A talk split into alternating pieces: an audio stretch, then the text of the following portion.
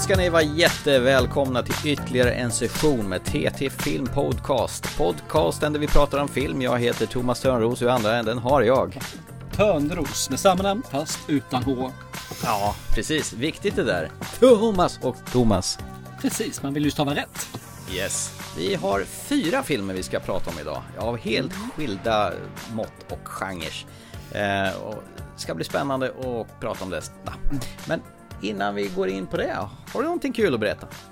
Jag har något som är jättekul att berätta, måste jag säga. Mm -hmm. eh, pratade med morsan här för ett par dagar sedan. Mm. Och hon eh, ligger ju inne på ett serviceboende. Där hon har börjat bli kompis med sina, ja de som jobbar där då alltså. Mm. Och eh, nu för ett tag sedan så gick det en förbi med telefonen igång och då såg mamma det. Men du, det där är ju min son. Men vem då? sa hon. Ja, Thomas. Utan H, sa hon. Haha, det här är viktigt utan H.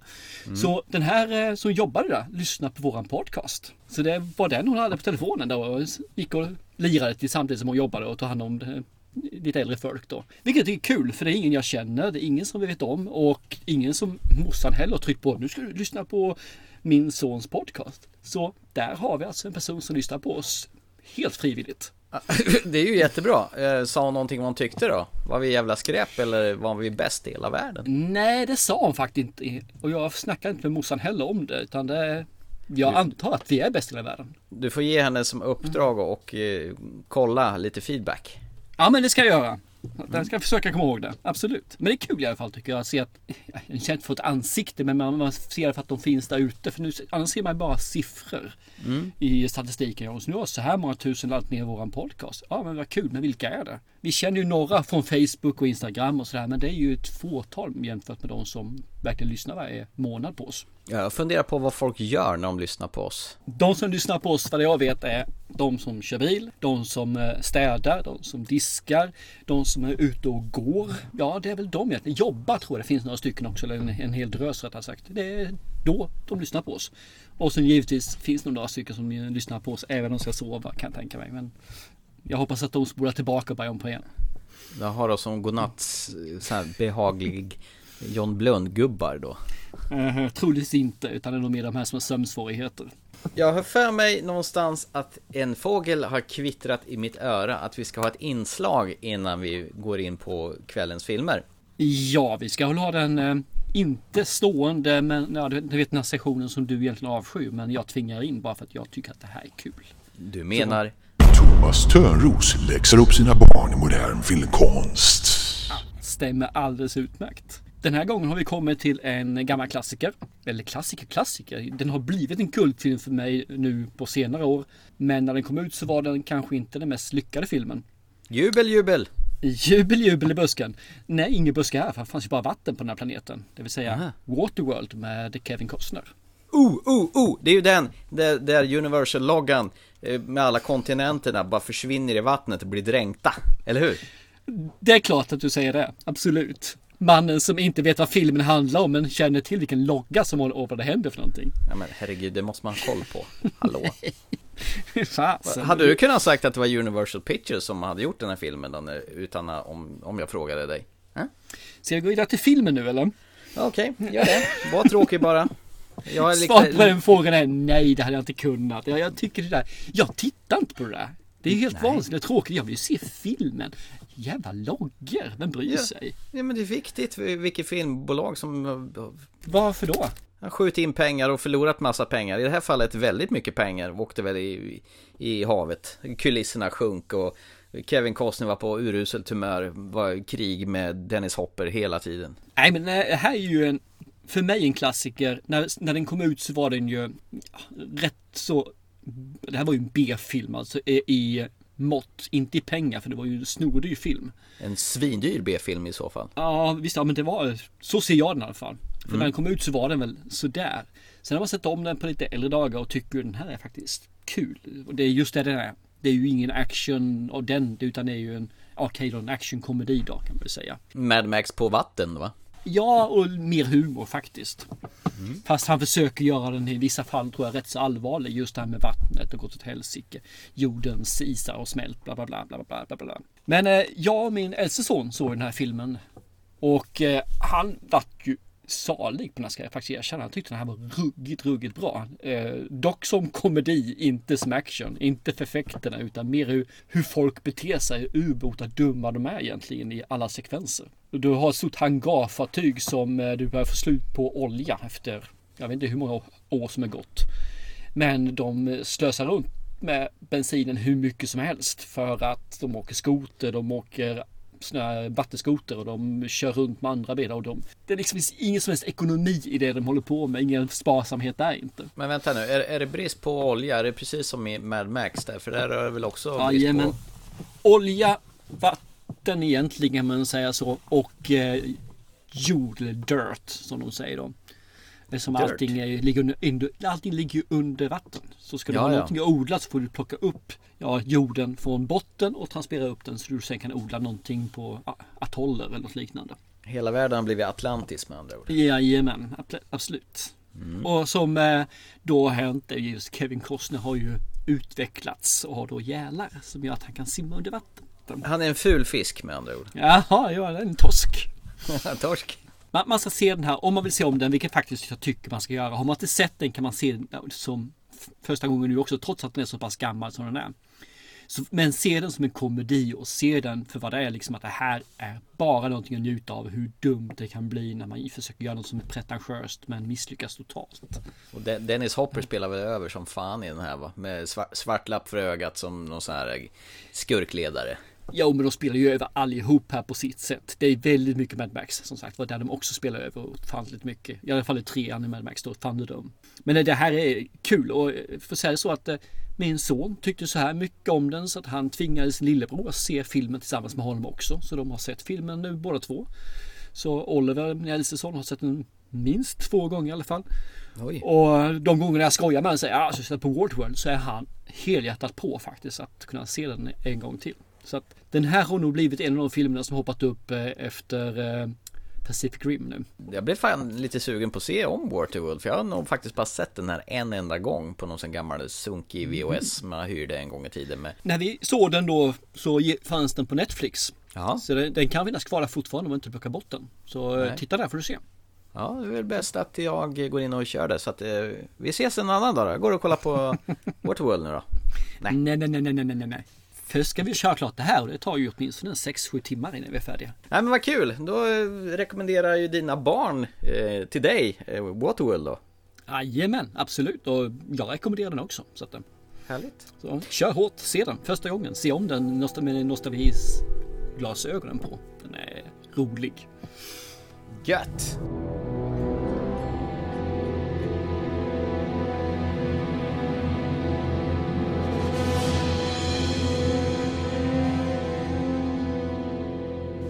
Men då så, ska vi bege oss till eh, Midgård och eh, bland hober och trollkarlar och älvor och annat pack. Inte alls faktiskt, utan en bakgrundshistoria om eh, författaren som skrev Sagan om ringen, Hobbit och allt det där andra. J.R.R. Tolkien. Talking, sir. Where you going? Up the line to find a friend. Must be a very good friend. He'd do the same for me. We are your brothers, Tolkien. This is more than just a friendship. It's an invincible alliance. A fellowship. Tolkien. Tolkien. Rated PG-13. In theaters everywhere May 10th. Tolkien ja. Mm-hmm. Jag har alltid trott det var Tolkien, men nu fick man reda på att det heter Tolkien. Och vad, vad stod JRR för då? Oj, var det Roland? Eh, någonting Gerald? Nej, John Ronald Rowell Tolkien. Så var det kanske. ja. Bra. Tolkien, inte något annat. Tolkien. Och det var väl, var inte någonting man var dumdristig som det betydde på tyska om man skulle härleda det? Jo, det fanns ju någon överföring, eller vad säger jag, översättning till det där ja. Jag är ju svag för sådana här filmer. Eh, Jag kommer ihåg eh, The Theory of Everything. Ja, Där man fick följa Stephen Hawkings. Eh, Den filmen tycker jag är ruggigt bra. Så jag såg ju den här filmen är ju, den här är ju måste se. det är likadant den här med Alan Turing, den här eh, Enigma Kodsknäckaren. eh, Imitation Game. Ja, precis. Ja, Okej, jag, jag har inte med den här i samma genre. För det, ja, visst är det based on a true story och, och så här. Men jag känner att det här är mer persongalleri. De filmer, typ av filmer som jag är ute efter. Eh, som du såg eh, Rush med Nicky Lauda är också sån där film tycker jag som man vill se. Ja, men det var en jävla skitfilm ända tills jag såg om den och insåg att jag hade sovit med genom den, ja. Mm. Mhm, igen, som vanligt. Det måste vara jobbigt för dig hela tiden att få se filmerna två, tre och fyra gånger för att se hela filmen. Ja, men det är tråkigt när man har liksom en inställning eh, om en film och sen får man helt revidera om det eh, efter att man inser att fan, jag har ju bara sett typ en 20 minuter av det här. Inglourious Bastard. Eh, Ja, det är väl också en film ja. Och den blev ju en director's cut för mig. Det är ju fantastiskt. men, men vad är tolken för att återgå till den här filmen då? Va, va, va, vad handlar det om egentligen? Egentligen får vi ju följa med Tolkien från eh, att de har kommit hem från Sydafrika och att deras pappa då har gått bort. Och då är han väl, kan vara 10-12 år någonstans där. Och sen så eh, får vi följa med att de då ska flytta vidare i, till hans ställe och blir då omhändertagna av kyrkan. Och kort därefter så dör ju hans mor så att han och hans son blir då föräldralösa. Och blir då intagna på ett eh, ja, inackorderingshem kan man säga. Det är en snäll tant som tar hand om föräldralösa barn. Så det är ju inte så att han hamnade på eh, hemmet som Oliver Twist typ där och ville ha lite påbackning utan han bodde ganska, ganska bra. Han fick bra skolning och, men han var ju hela tiden den här som inte hade den bakgrunden som de andra hade. Utan, vad, vad kan man säga? Lite grann om ni kommer ihåg Ondskan med eh, Jan Guillou. Ja, De fina killarna som eh, kom från de här fina familjerna och han var en arbetarbarn då mer eller mindre. Så blir han ju blir introducerad ett gäng där egentligen om man säger så efter lite kontrovers i början så blir ju de de fyra musketörerna som hänger ihop och ska då utmana varandra att eh, utvecklas som eh, skalder, låtskrivare, författare, vad det nu är för någonting de vill göra. De ska i alla fall utveckla den kreativa sidan av sig själva och leva livet som man ska leva livet. I alla fall enligt unga män som dem.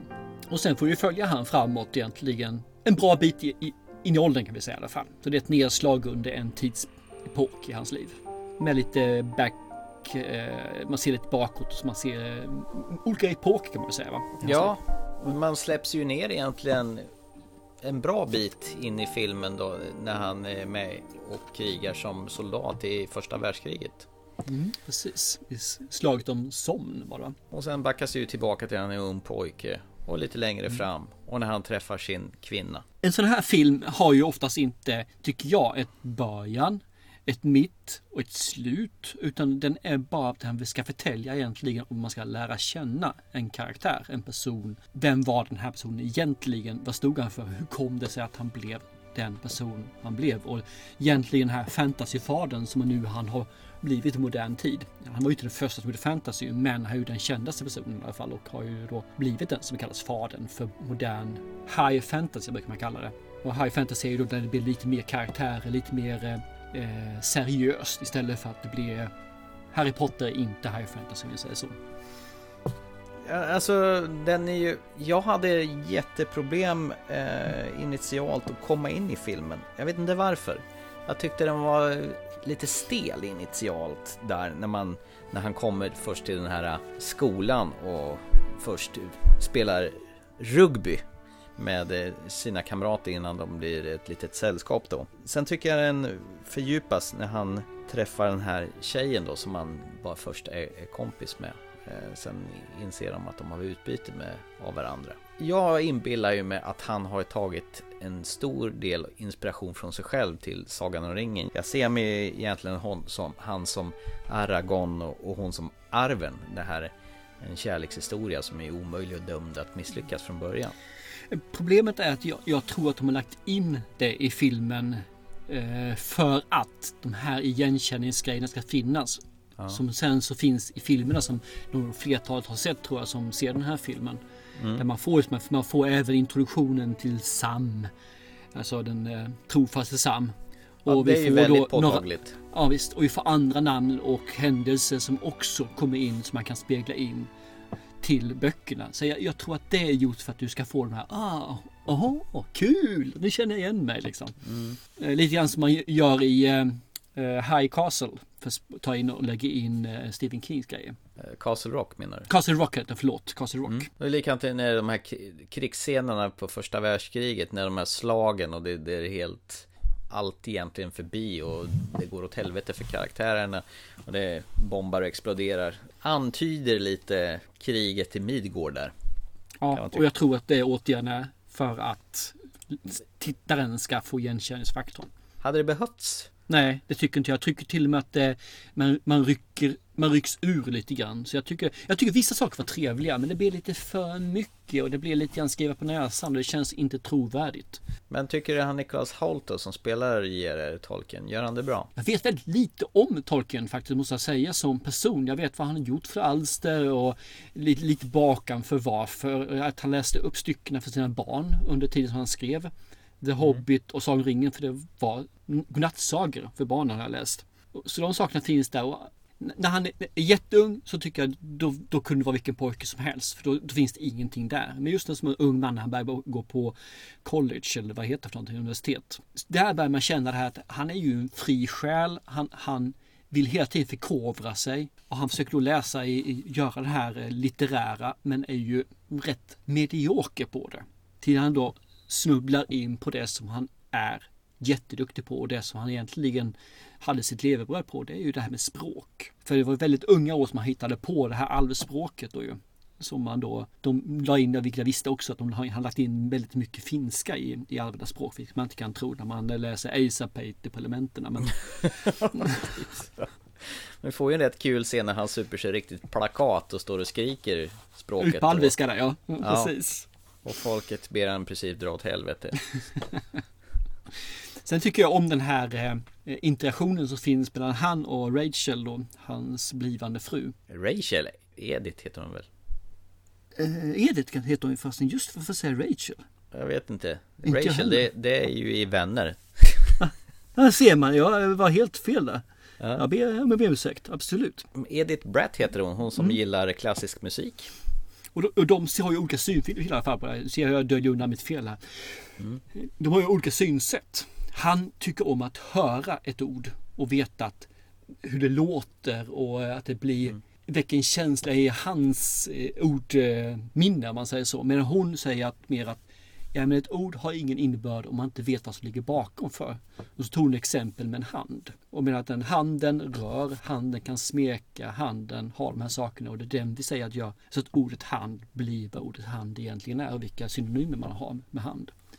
Och det tar han ju till sig sen när han gör språken också, att det måste finnas någonting bakifrån, bakanför. Och det tror jag finns med mycket i hans prosa som finns i alla hans böcker om man läser dem. Jag har inte bekymret som du hade med att den var jobbig att komma in i, för jag kom in ganska snabbt i filmen. Eh, och jag tycker att den blev bättre med tiden.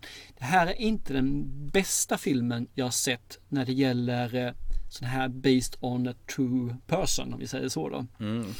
Boop blir det då. Ja, Boop blir det precis.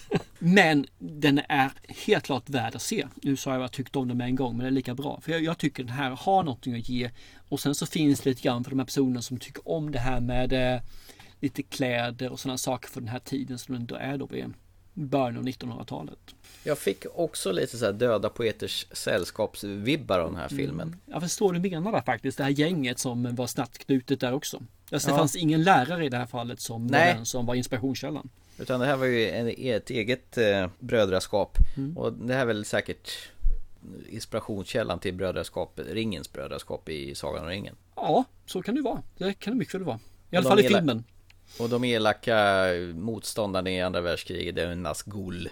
Men han fick ju på sig, vet jag tolken, att eh, när andra världskriget kom så vill de ju säga då liksom att eh, Hitler var Sauron. Och det här då. Och han menar på, nej, nej, nej, mina böcker, ren fiction, har ingenting att göra med verkligheten, det är inte politiskt någonstans. Så att han, han menar på det att det finns ingen politik i hans böcker. Det är bara en berättelse, en fiction, en saga. Medan han som, det som jag glömt bort vad han heter, som skrev Narnia, kommer du ihåg vad han heter? Nej, det gör jag faktiskt Häxan och lejonet och det här. Men det var Han- väl någon religiös gubbe? Ja, han, han gick ju klart ut och sa liksom att lejonet mer eller mindre är Jesus. Han dog och återuppstod ju i eh, hans böcker.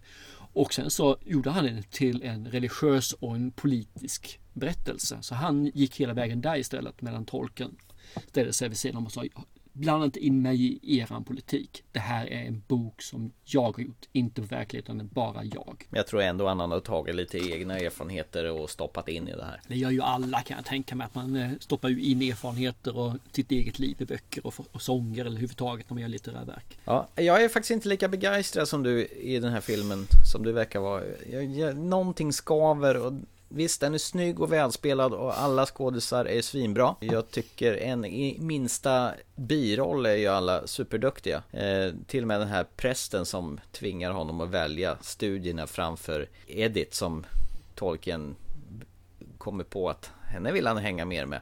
Det får mm. du inte. Nu ska jag vara kysk gubbe. Om du inte ens katolik.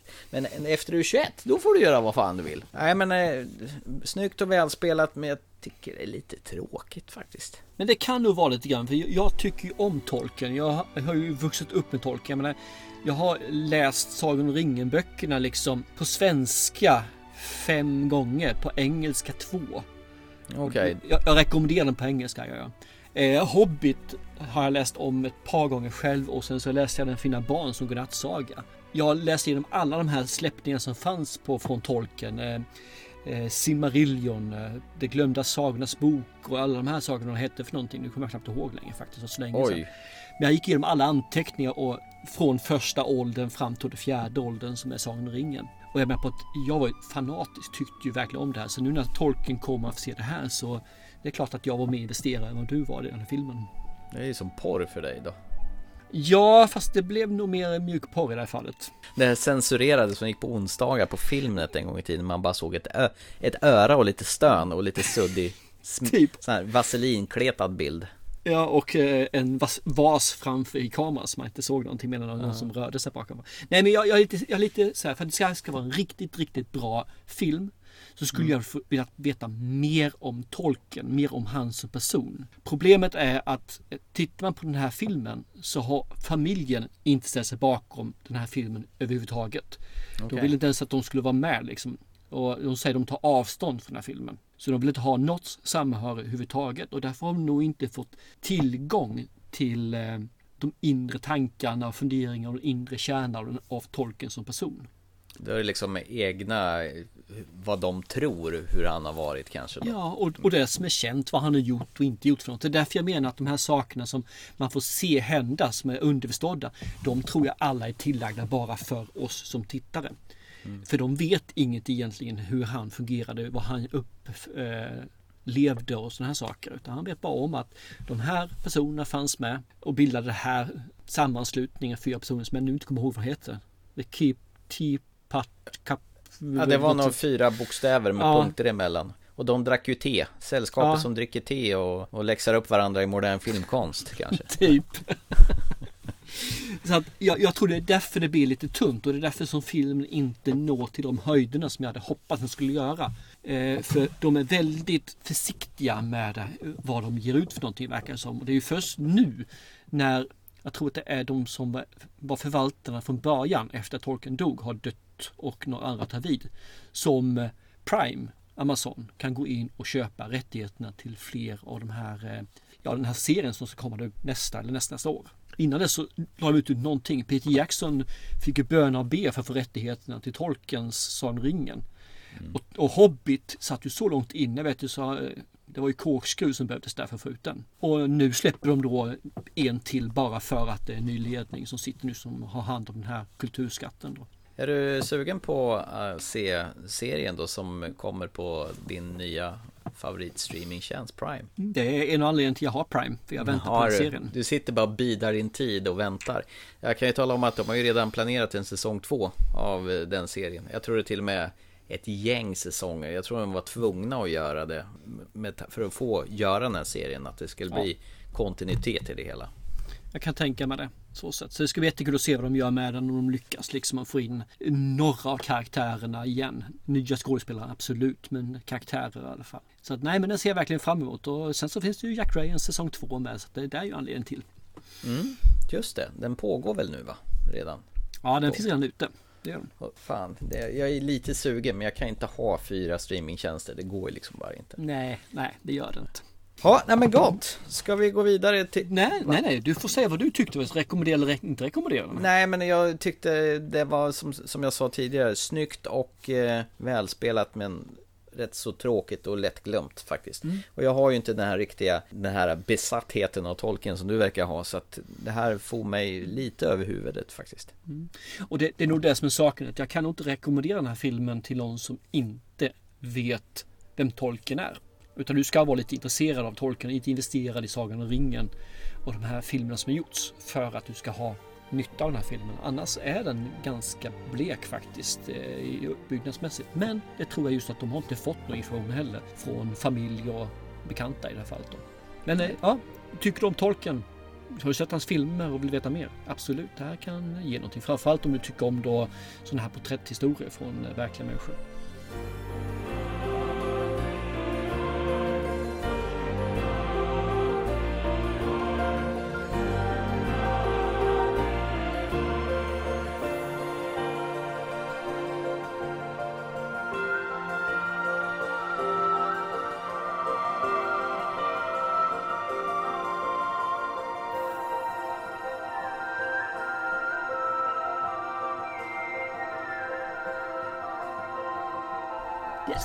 Ska vi, nu gå från en verklig gubbe till något helt ver- eh, verklighetsfrånvänt?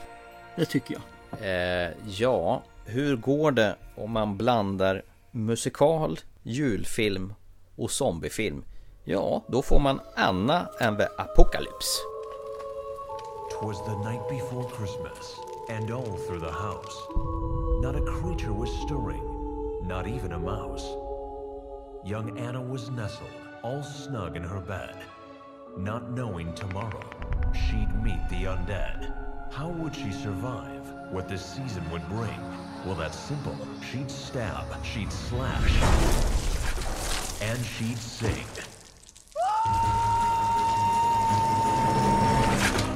Oh no. What? Justin Bieber's a zombie. Ja, det här är ju spännande. Den här filmen, jag vill bara säga det här. Den här filmen valde du ju. Ja, Den här filmen ville du ha med. Ja, jo. jag sa liksom att jag, jag var rätt nöjd med tolken här. Vad vill du se för någonting? Anna, jag vill se Anna! jag bara, det visste jag, jag visste att du skulle välja den. Bara, ja, men jag tänkte zombiefilm och musikal, det kan ju bli hur kul som helst ju, tänkte jag. Tänkte du? Nej. Men Anna i alla fall, hon vill åka till Australien. Hon är en sån där tjej som bor i en liten skithåla som heter Little Haven. Hon vill inte vara kvar där. Hon går på någon skola där. Eh, och hennes pappa blir fly förbannad. För hon tycker, han tycker att hon är för ung. Hon ska minsann vara kvar här. Hon sviker alla om hon drar. Och, och när han skjutsar henne till skolan, grejen är att han jobbar på skolan också som någon slags eh, Allt vaktmästare. också. allo, vaktmästare precis. I, I bilen till skolan då, så hörs ett meddelande på, på radion, det här klassiska. Ja, att det är någon epidemi som håller på att pågår och eh, folk håller på att förvandlas till klick! Där stänger Anna av eh, bilradion för det tycker jag att det behöver inte hon höra. Sen kickar filmen igång med koreograferade dansnummer.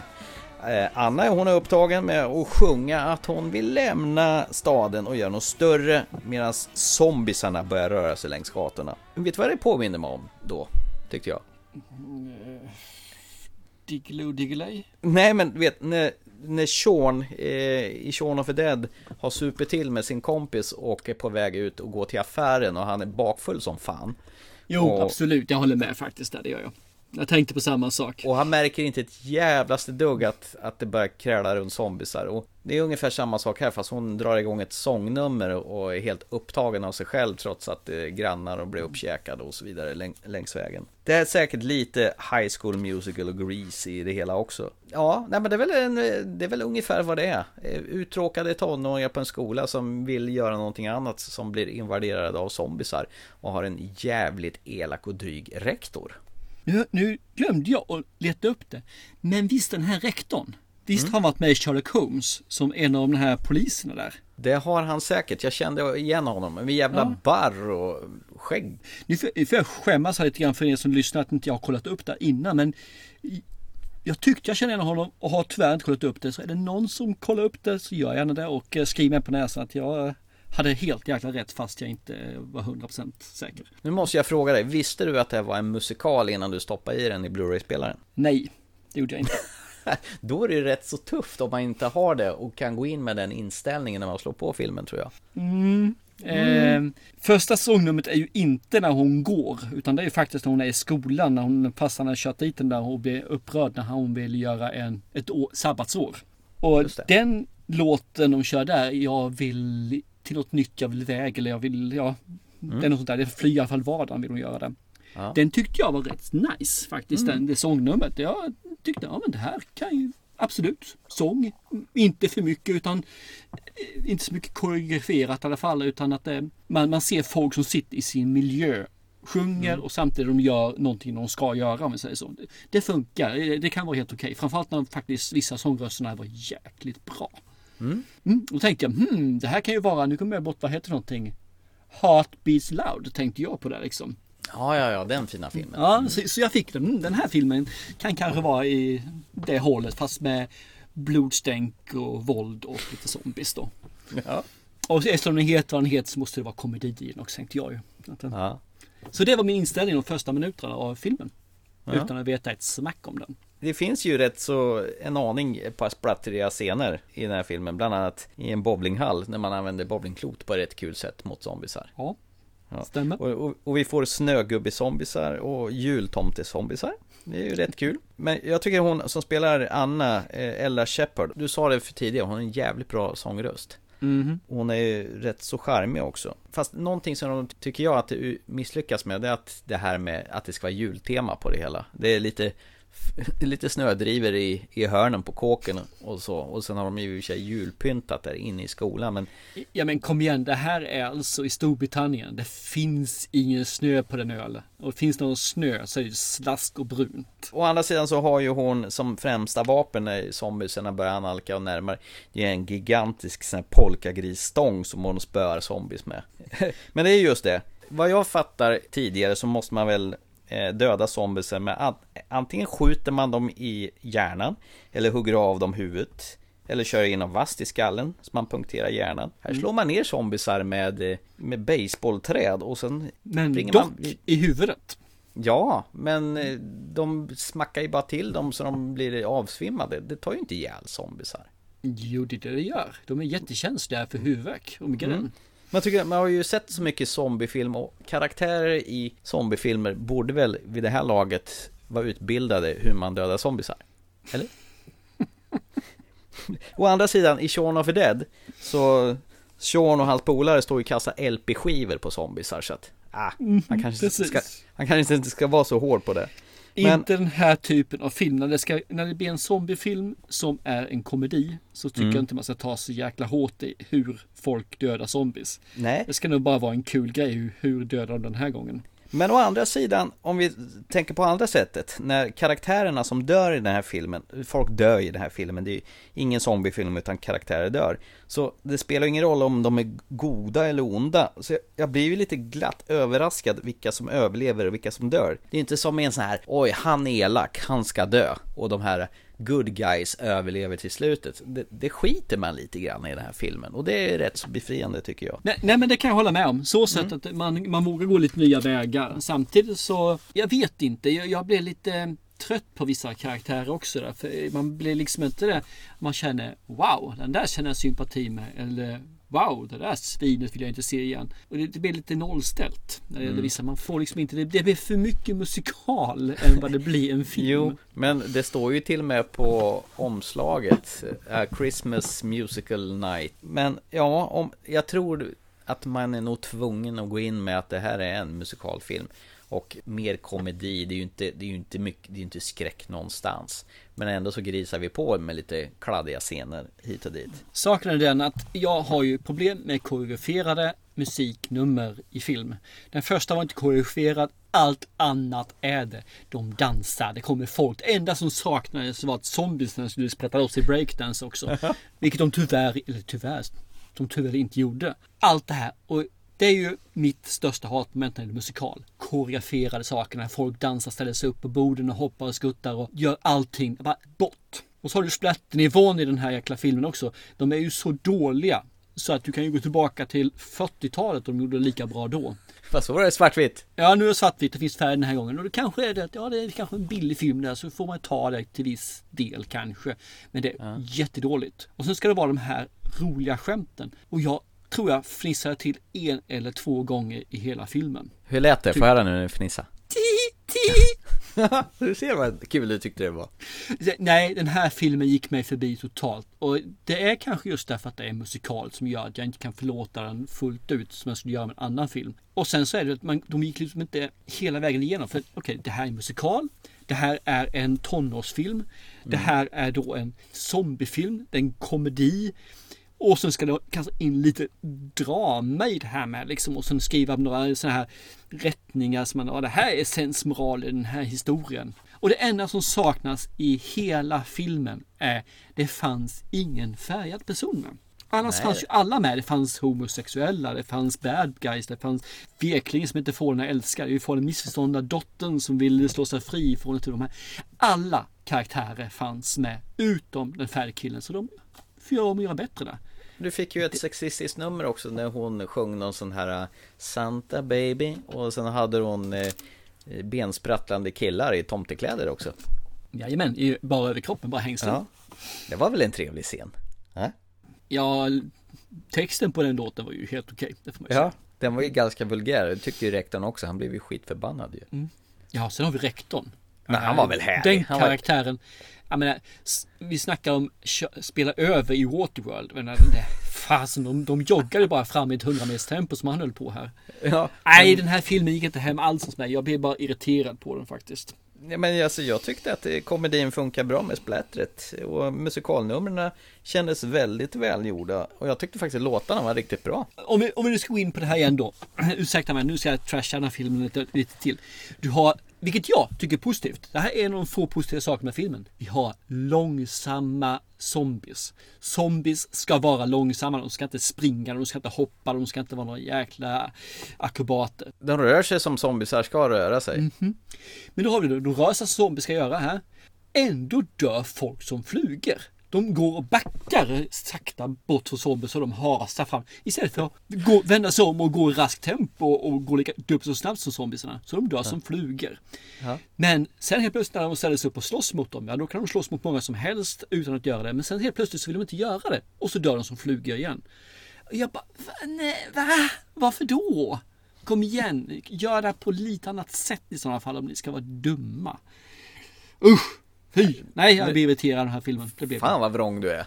Ja, absolut. Jag tyckte det var en trivsam röra, fast den kanske inte lämnar något bestående intryck. Ja, jag tyckte det var en skön liten stund att se den här filmen. Och jag gillade eh, Ella Hunt som spelade Anna Shepard, som spelade Anna än vad Apocalypse. Bra där. Jag tyckte Sarah Swire var bättre då som Steff. Steff North. Faktiskt. Hon som var eh, homosexuell. Ja, ja hon, var, hon var ju jättebra. Hon var ju, snacka om vilket skönt minspel. Hon hade bra komisk timing. Eh, Nej men där har vi den skådespelaren som jag tyckte var Ja, trevligast. nej, men hon var jättebra. Ja, och där hade du en lesbisk tjej också. Mm, att jag sa ju det. pricka av det ja. Ja, ja, nej men eh, okej då. Det här Mm. eh, föll inte dig på läpparna. Så det, det var mitt val och du tyckte det var skit. Så det var ju härligt. Ja, jag, jag tycker nog man kunde klippt ner filmen lite grann i eh, tid. Så hade det kunnat bli kunnat bli lite bättre. Det blev ju kortfilm ju. Den var ju bara en och en halv timme. Ja, jag tänkte mest man skulle dra bort en och en halv timme och få de här tre minuterna. Första, första låten. Vet du vad de har promotat den här filmen som? Shaun of the Dead möter La La Land. Vad säger du om det? Ja, vad ska jag säga? Ja. Och det var väl coolt vapen att ha den här polkagris... Eh, Ja, och det var ju därför jag staven. tyckte det kan kanske bli lite småkul när man såg det här liksom eh, konvolutet och tittade på det. Men nej, den lever inte upp till bilden. Den, nej, nej. Det är en skitfilm. Det är inte utsagt. Ja, jag tyckte den var rolig. Så att eh, det är väl eh, vem som litar på vem är. Om de litar på Thomas eller litar på Thomas. Vi kan väl skicka ut frågan till eh, våra lyssnare. Om de har sett den. Och se vad Vi de kan säger. väl säga att Thomas har i alla fall rätt.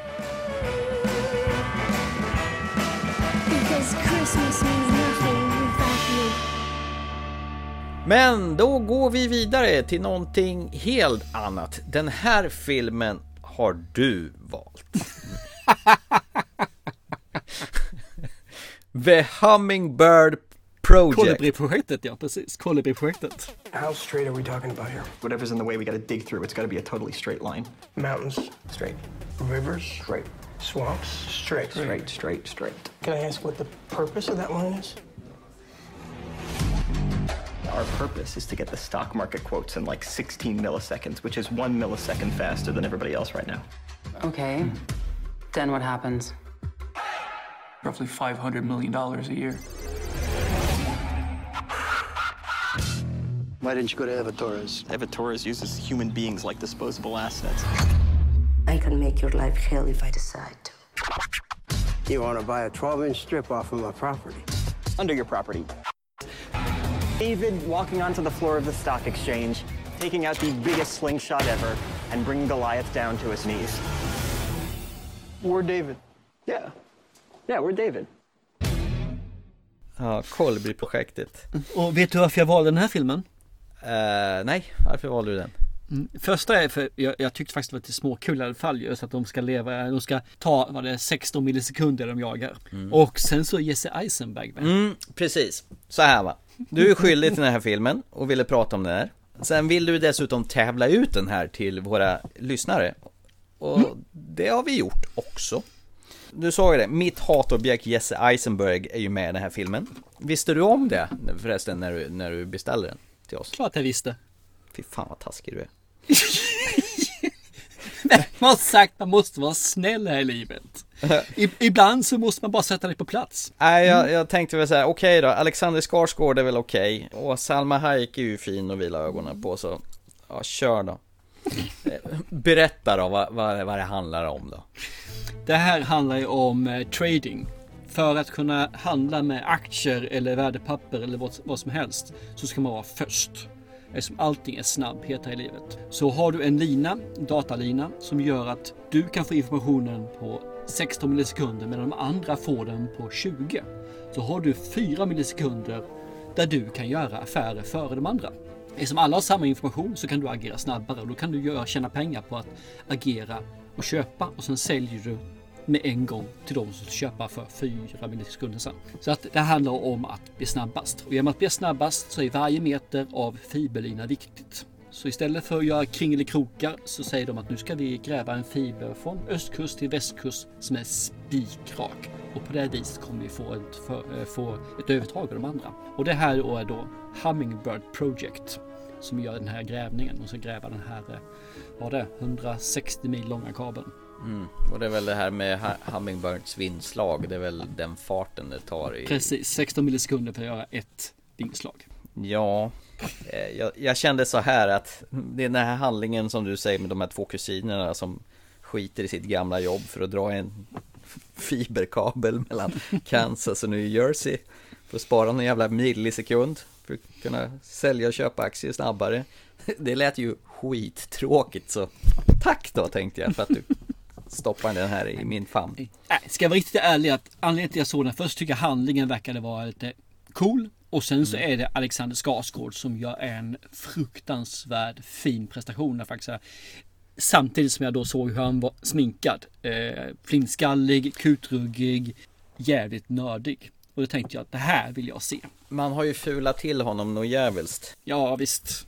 Jag- Jag kommer till det. Eh, Alexander Skarsgård, han spelar ju ena kusinen Anton Zaleski då. Han har väl säkert både en och två bokstavskombinationer och någon form av autism. Han är en sån där som, Mm. som har snöat in. Han är ju superbra på att programmera. Han, allting kommer ju upp till honom. Han är ju grymt duktig på det han gör. Jävlar om man fular till honom med en jättemittbena.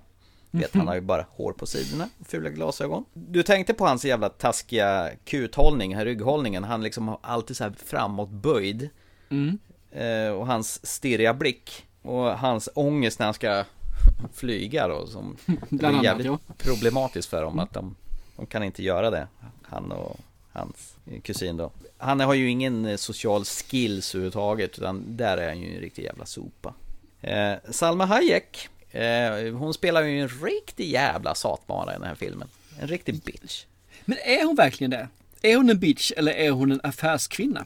Hon är en bitchig affärskvinna i så fall. Ja, hon vet vad hon vill och hon tar för sig. Jag ser inte henne som den. Jag ser henne som en konkurrent egentligen som gör det som behövs för att... Ja, de har ju slutat hos henne och, vill göra det där som en konkurrent då. Hon blir ju Mm. skitförbannad när hon får reda på vad de sysslar med. Absolut. Hon har ju rätt ballt efternamn. Torres, det är ju som eh, vinmärket i Spanien. Mm. Tjuren där ja. Tjuren, Ja. Eva Tjur. Hon anser ju att Anton, att han, det han har gjort, det tillhör ju henne då, all kod han har gjort. Så hon, blir, hon bestämmer sig för att nu jävlar ska hon göra livet surt för honom. Och Jag tycker det är rätt så härligt att hon bara får vara en elak affärskvinna och de inte spelar på hennes sexighet som de alltid gör med Salma Hayek. Mm, stämmer. En strikt välklädd förbannad affärskvinna, det ska man kunna säga att hon är va? Mm, det håller jag med om. Och sen kommer vi till det här med Jesse Eisenberg. Så, Vincent Zareski. Ja, han är väl den som är eh, affärsmannen och har ju Anton som Entreprenören, den drivande, den, eh, ja som du säger, social skills. mm. Och jag har ju jävligt svårt för den karln. Han, han är ju skitmanisk i allting han spelar och intensiv som fan vad han än spelar. Men i den här filmen så passar det ju honom som handen i handsken. Vad kul! För jag sätter han som det svaga kortet i den här filmen. Han kunde inte alls prestera tycker jag förrän ja, en bra bit in i filmen. När han eh, lugnade ner sig lite grann. För jag tyckte han var dötråkig. han gör samma sak. Ja, för saken är den, jag har sett Now You See Me. För Mm. inte så länge sedan, både ettan och tvåan faktiskt. Ja, ja, han- han är med i den här troll, Ja, trollkarlsfilmen. precis. Exakt. Och han gör exakt samma huvudrörelse, samma ordval och hur han pratar. Och det Mm. passar inte alls in här för att han ska kunna få den här stora businessmannen att köpa hans idé. En sån person som på det viset skulle inte få en krona investerat. Men nu handlar det liksom om hur många miljoner dollar som helst. Ma- miljarder nästan. Kanske. Ja, jo, Nej, precis. Jag tror att en delbetalning var 15 miljoner dollar eller vad det var för någonting. Och Mm. det var x antal delbetalningar som behövde göras. Så säg att det blir en 150 miljoner dollar. Eller så. Jo, men initialt så är det väl så. Men ju mer filmen går och man får hänga med de här två kusinerna så, så får du ju se lite mer lager på den karaktären.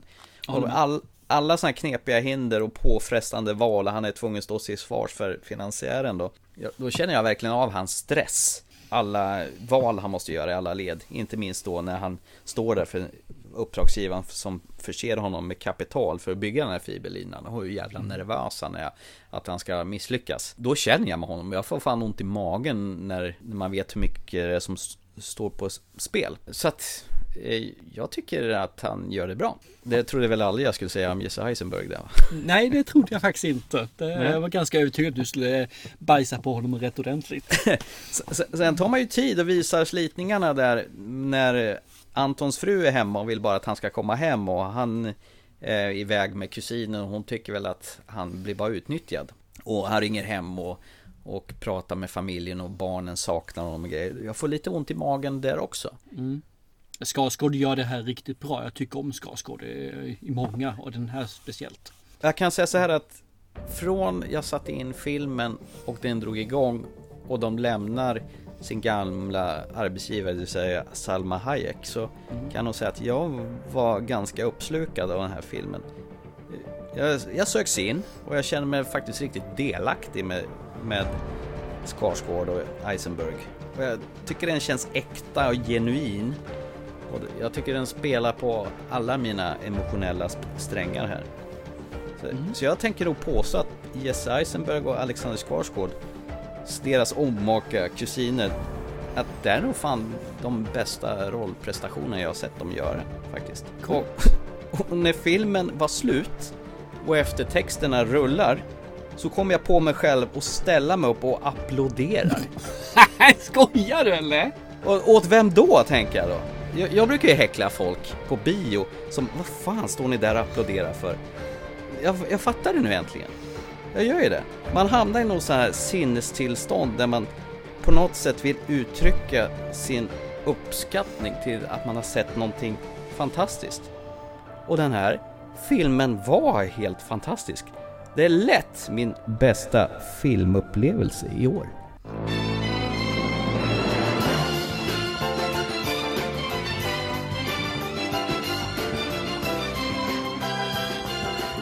Oj, så pass alltså? Jag tyckte den här filmen var svinbra. Jag var fan gråtfärdig när det var slut för att jag äntligen har sett en film som bara pratade med mig och den här filmen kändes som den var gjord enbart för mig och jag njöt från början till slut.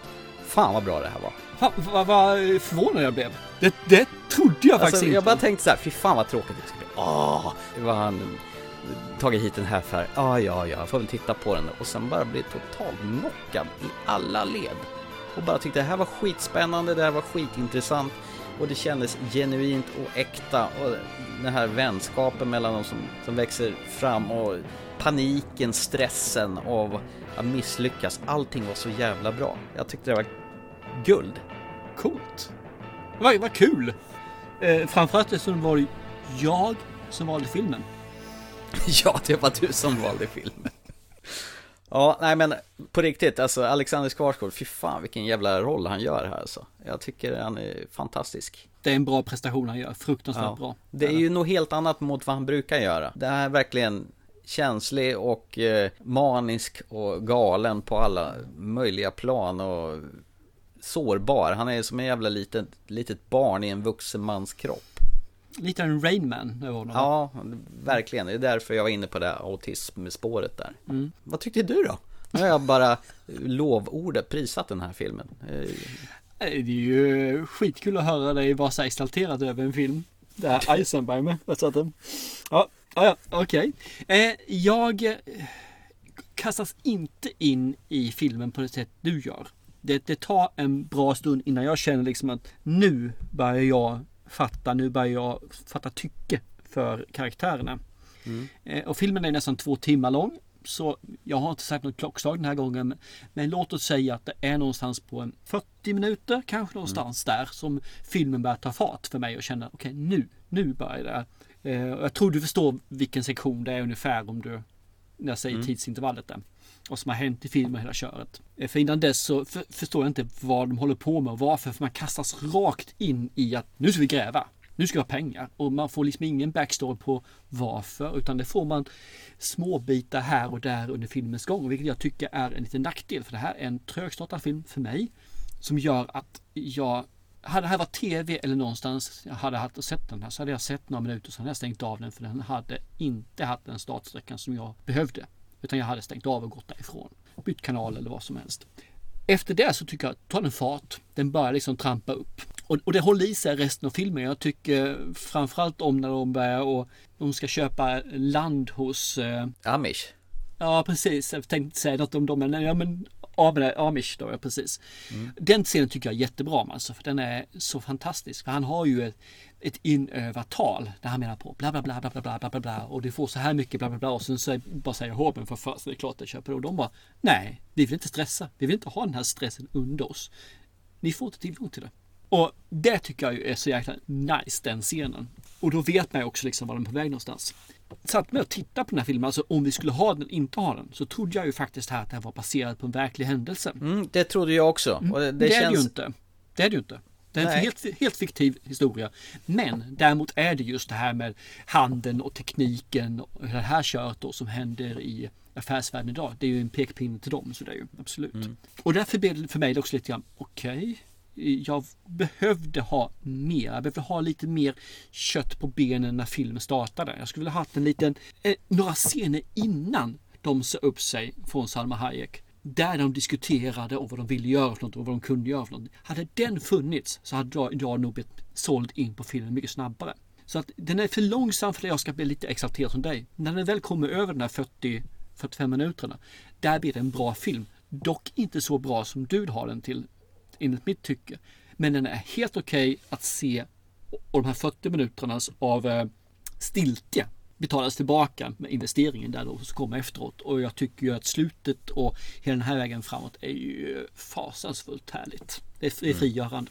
Jag förstår inte vad, vad det var som var tråkigt de första 40 minuterna för jag gick igång redan från start. Mm. Nej, jag fattar inte vad som hände i början. Så jag kände bara att nej, det här ger mig ingenting. Jag förstår inte vad de är ute efter. Jag förstår inte vilka de är, vad de gör, varför de gör eller hur de gör det. Ja, jag gick igång på karaktärerna totalt också. Det finns Mm. ytterligare en rätt så skön scen när han han sitter ju inlåst och ska knäcka det här med programmeringen, försöka få ner hastigheterna någon millisekund till. Och sitter och dricker säkert Coca-Cola, för han, drick, ja, han är nog inte en sån här person som dricker alkohol. Och servitrisen börjar prata med honom. Och det här är återigen så visar han sin oförmåga att vara social. Men hon lurar upp honom lite grann och kommer in honom på skinnet. Och deras konversation är ju rätt så skön också i det här läget. Ja, jag tycker om hans eh, omskrivningar för att förklara vad de ska göra för någonting för henne. Mm. Ja men det är en skön eh, scen sådär, absolut. Det är det. Det är många sköna scener här. Men då är vi framme i de här 40-50 minuterna. Det är skönt hela vägen dit också. Jesse Eisenbergs eh, spattiga karaktär som jag inte gillar så mycket. Han får ju varva ner lite grann i den här filmen senare. Där kickar ju han igång ordentligt som gör honom mer likable än vad jag brukar gilla honom. Och det är då jag menar filmen tar fart. Att han blir bättre. Det är när Mm. han lugnar ner sig från det här stressiga, hyper... eh, Ja, men, tänkte du på att han hela tiden, huvudet flyger och far som en kolibri också, tänkte jag, men som en anka. Eh, Jo, fram och tillbaka, men upp och ner hela tiden, som han alltid Men gör. han är ju uppe i varv. Han är ju liksom, han är ju på väg att gå in i väggen känns det som. Att han är, håller på att stressa sig sönder och samman.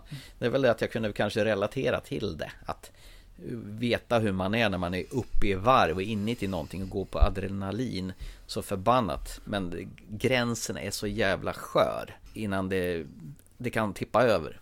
Och när man har den här pressen som han har från alla håll för att prestera. Men den som har lagt all den här pressen på det är ju han själv. Nej, jag tycker det var skönt. Jag tycker det var en helt okej film. Den var inte som du satte nu här som årets bästa film direkt. Eller filmupplevelse. Ah, jag Det tycker det var jag inte. fantastiskt. Mm. Allting stämde vid, vid tillfället. Ja, nej, det, det, var, det var nice. Det var riktigt nice. Så att jag rekommenderar ju till alla att se den här. Eh, vi har ju dessutom tävlat ut den där.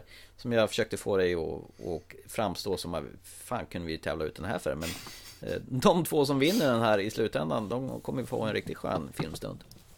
Nej, anledningen till att jag ville lotta ut den här, tävla ut den, det är för att vi tävlar ut så mycket blockbuster, sådana som är att folk redan känner igen och vet vad det är för någonting. Så någon gång då och då så vill jag ta de här lite annorlunda, lite mindre filmerna så folk kan se dem också. Mm. Som de kanske normalt sett inte skulle gjort. Men nu får man en eh, film gratis hem, det är klart vi kan titta på den. Mm. Och då kan det bli som i ditt fall då, att man hittar en riktigt, riktigt god pärla. Ja, det är då man blir överraskad. Det var väl också kanske att klivet från att vara jävligt opepp på filmen och sen få sig en riktig överraskning och inse att fan det här var ju helt klart min typ av film. Då blev väl kanske känslan ännu större än vad jag hade kanske räknat med om jag hade gått in med den att den här tror jag verkar bra. Så Stämmer nog. det är alltid bättre att gå in med antingen ett blankt papper eller en negativ inställning som man vänder till något positivt. Då blir själva utbetalningen mycket större. Eh, Jag tror det är farligt att ha den här negativa tanken också för då kan man kanske inte ställa om. Men ett blankt papper håller jag med om eh, fullständigt. Går du in med Ja. det utan att veta någonting så kan det bli ruggigt, ruggigt bra. Ja. Ja, jag kunde ju uppenbarligen ställa om Mm. 360 grader. Nice! Ja. Kul att eh, det blir så bra för dig. Det är alltid skoj när man hör folk som eh, hittar de här riktigt fina guldkornen. Och nu har du Mm. gjort det. Ja, nice! Lite omtanke på dig. Oh, let's do grad. Oh, let's do grad. milliseconds faster! Oh, let's do grad. Oh, let's do grad. Oh, let's do. Like the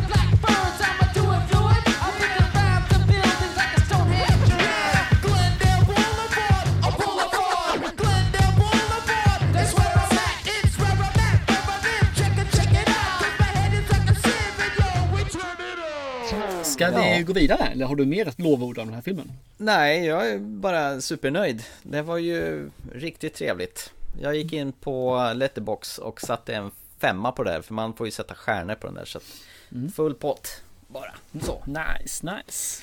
Ja, då var det ju mitt uppdrag då. Jajamän, absolut. Jag en kort film. En kort film ja, eh, som är exakt 30 minuter. Eh, en levande själ på svenska eller A Living Soul på engelska, beroende på vart man kollar. Eh, kortfilm, komedi, drama, eh, gjort 2014. Och där körde jag fast.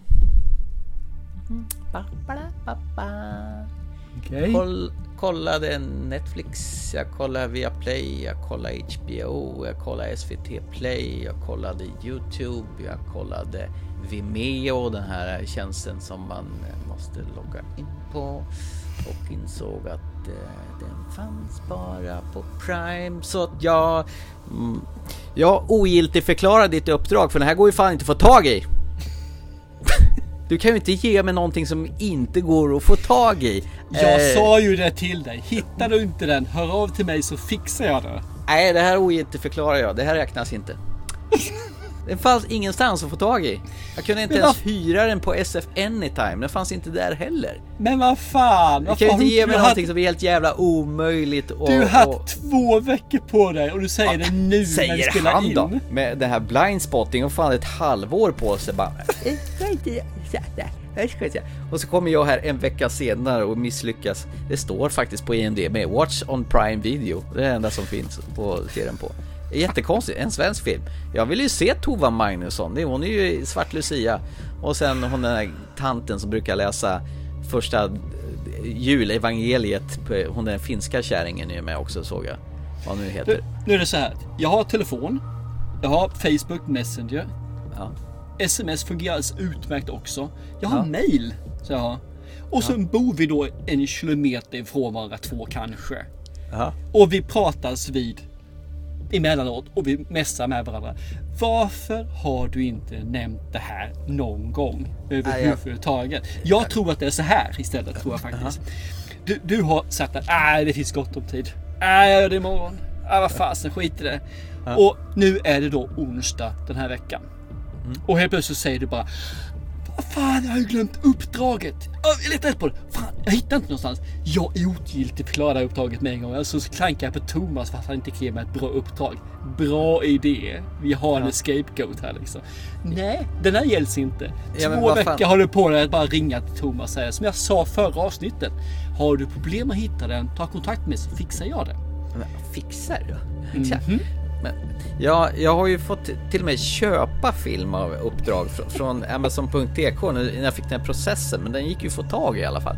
Men det här var ju omöjligt. Jag kan ju gärna inte bara abonnera på en, en streamingtjänst för att jag ska se en halvtimmes kortfilm. Ja.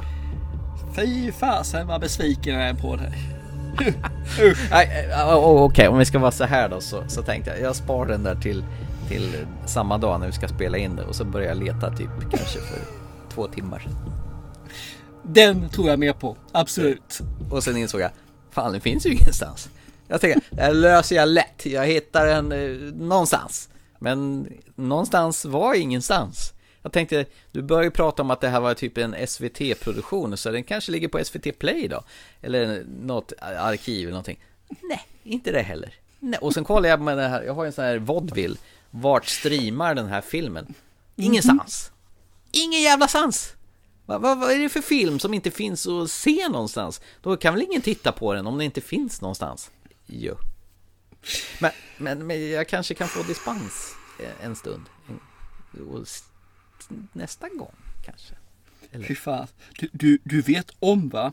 Att det här kommer du få höra hur många gånger som helst. Jag, jag säger bara Suspiria. Ah, du kan inte ens använda längre. Du, du, den, den där är, den är förlegad. Från och med det här gången. När du verkligen erkänner också att du inte ens la manken till att försöka. Det gjorde jag Så väl? kan du inte göra någonting överhuvudtaget. Så fort du bara säger det så säger jag bara Living Soul och då är du tyst. Och så kommer du säga förlåt. Jaha. Det är blev min soul. förlåt. Förlåt. Ja, han läser om att det handlar om en hjärna i ett akvarium. Mm, den är helt skön. Men du, ska vi göra så här då? Vill du ha ett, ett program till på dig eller ska jag ge dig ett nytt uppdrag? Nej. Du får ett nytt uppdrag. Ja, ge mig ett nytt uppdrag. Ge mig Mm. ett nytt uppdrag. Mm. Hit me! Och jag lovar, jag ska se den här eh, filmen jättenoga. Mm. Okej då. Den här filmen tittade vi som var lite ambitiösa och tycker om film på när vi hade en skräckfilmskväll. Jaha. Men den som hade gjort filmlistan, Ja. du, gick hem. Så vi fick se den här utan kreatören av filmlistan. Men det kan ju vara så att jag var sjuk och in, mådde dåligt och typ så. Living Soul. Va? Living Soul. Säg Förlåt. nu. Förlåt. Okej. Så du ska få se Siren ska du få se. Jaha ja. Är det den jävla svansfilmen som du har tjatat om i hundra avsnitt? Mhm, absolut. Den här ska du se. Det är ingen mästerfilm, men den är, den är rätt god. Den, den har lite vinklar som man normalt inte har på sån här typen av film, som jag tyckte var nice. Sen ska jag erkänna, det här var sista filmen för kvällen, ganska Ja. sent så här. Så jag kan ha totalt fel av hur den här filmen egentligen är i mitt sömndruckna tillstånd. Men när vi såg den så var alla som satt kvar eniga om att det här var en rätt god film. Så du ska få se Sirens som du ska få göra. Och den har du hittat och eh, haft med på den här eh, på en kväll så den bör du kunna leta fram i gömmorna där hemma. Ja, Jag tror jag har, har kvar den någonstans i Mm. DVD-hyllan någonstans där djupt inne i någon bokhylla. Så jag, jag, tänkte får, leta, jag får leta. Japp, det tycker jag absolut. Så, Siren får du istället. Fasen. Ska du, ska du ha en till ifall du inte orkar att se den här? Nej, det, det blir jättebra. Jag, du kan få på- James Bond och Live in Daylight. Eh, Jaha. Den, den borde du hitta i alla fall. Att, ja. Tack för att jag får en andra chans. Eh, Du allsmäktige. Jag har fel. Eh, Anna Apocalypse var skit. Eh, Tolkien var suverän och Hummingbird var inte så bra som jag sa faktiskt. Jag tar, jag tar tillbaka allt jag sa. Förlåt. Det är bra. Kom ihåg det nästa avsnitt också. Ja. Ska, ska vi wrappa upp här nu innan du blir totalt aggressiv och vill avsluta ditt samarbete med din poddkamrat här kanske? Kommer aldrig hända. Nej. Ja, jag har för roligt för att göra det. Ni hör oss på iTunes, Acast och massa andra podcastplattformar. Ni kontaktar oss på Facebook, Instagram och Twitter.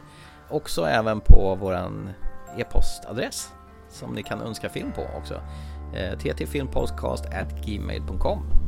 Slå gärna iväg någon önskefilm eller önskegenre eller någonting så brukar vi plocka upp det och prata om det. Och så får ni en film eller två som, som en liten gåva för besväret.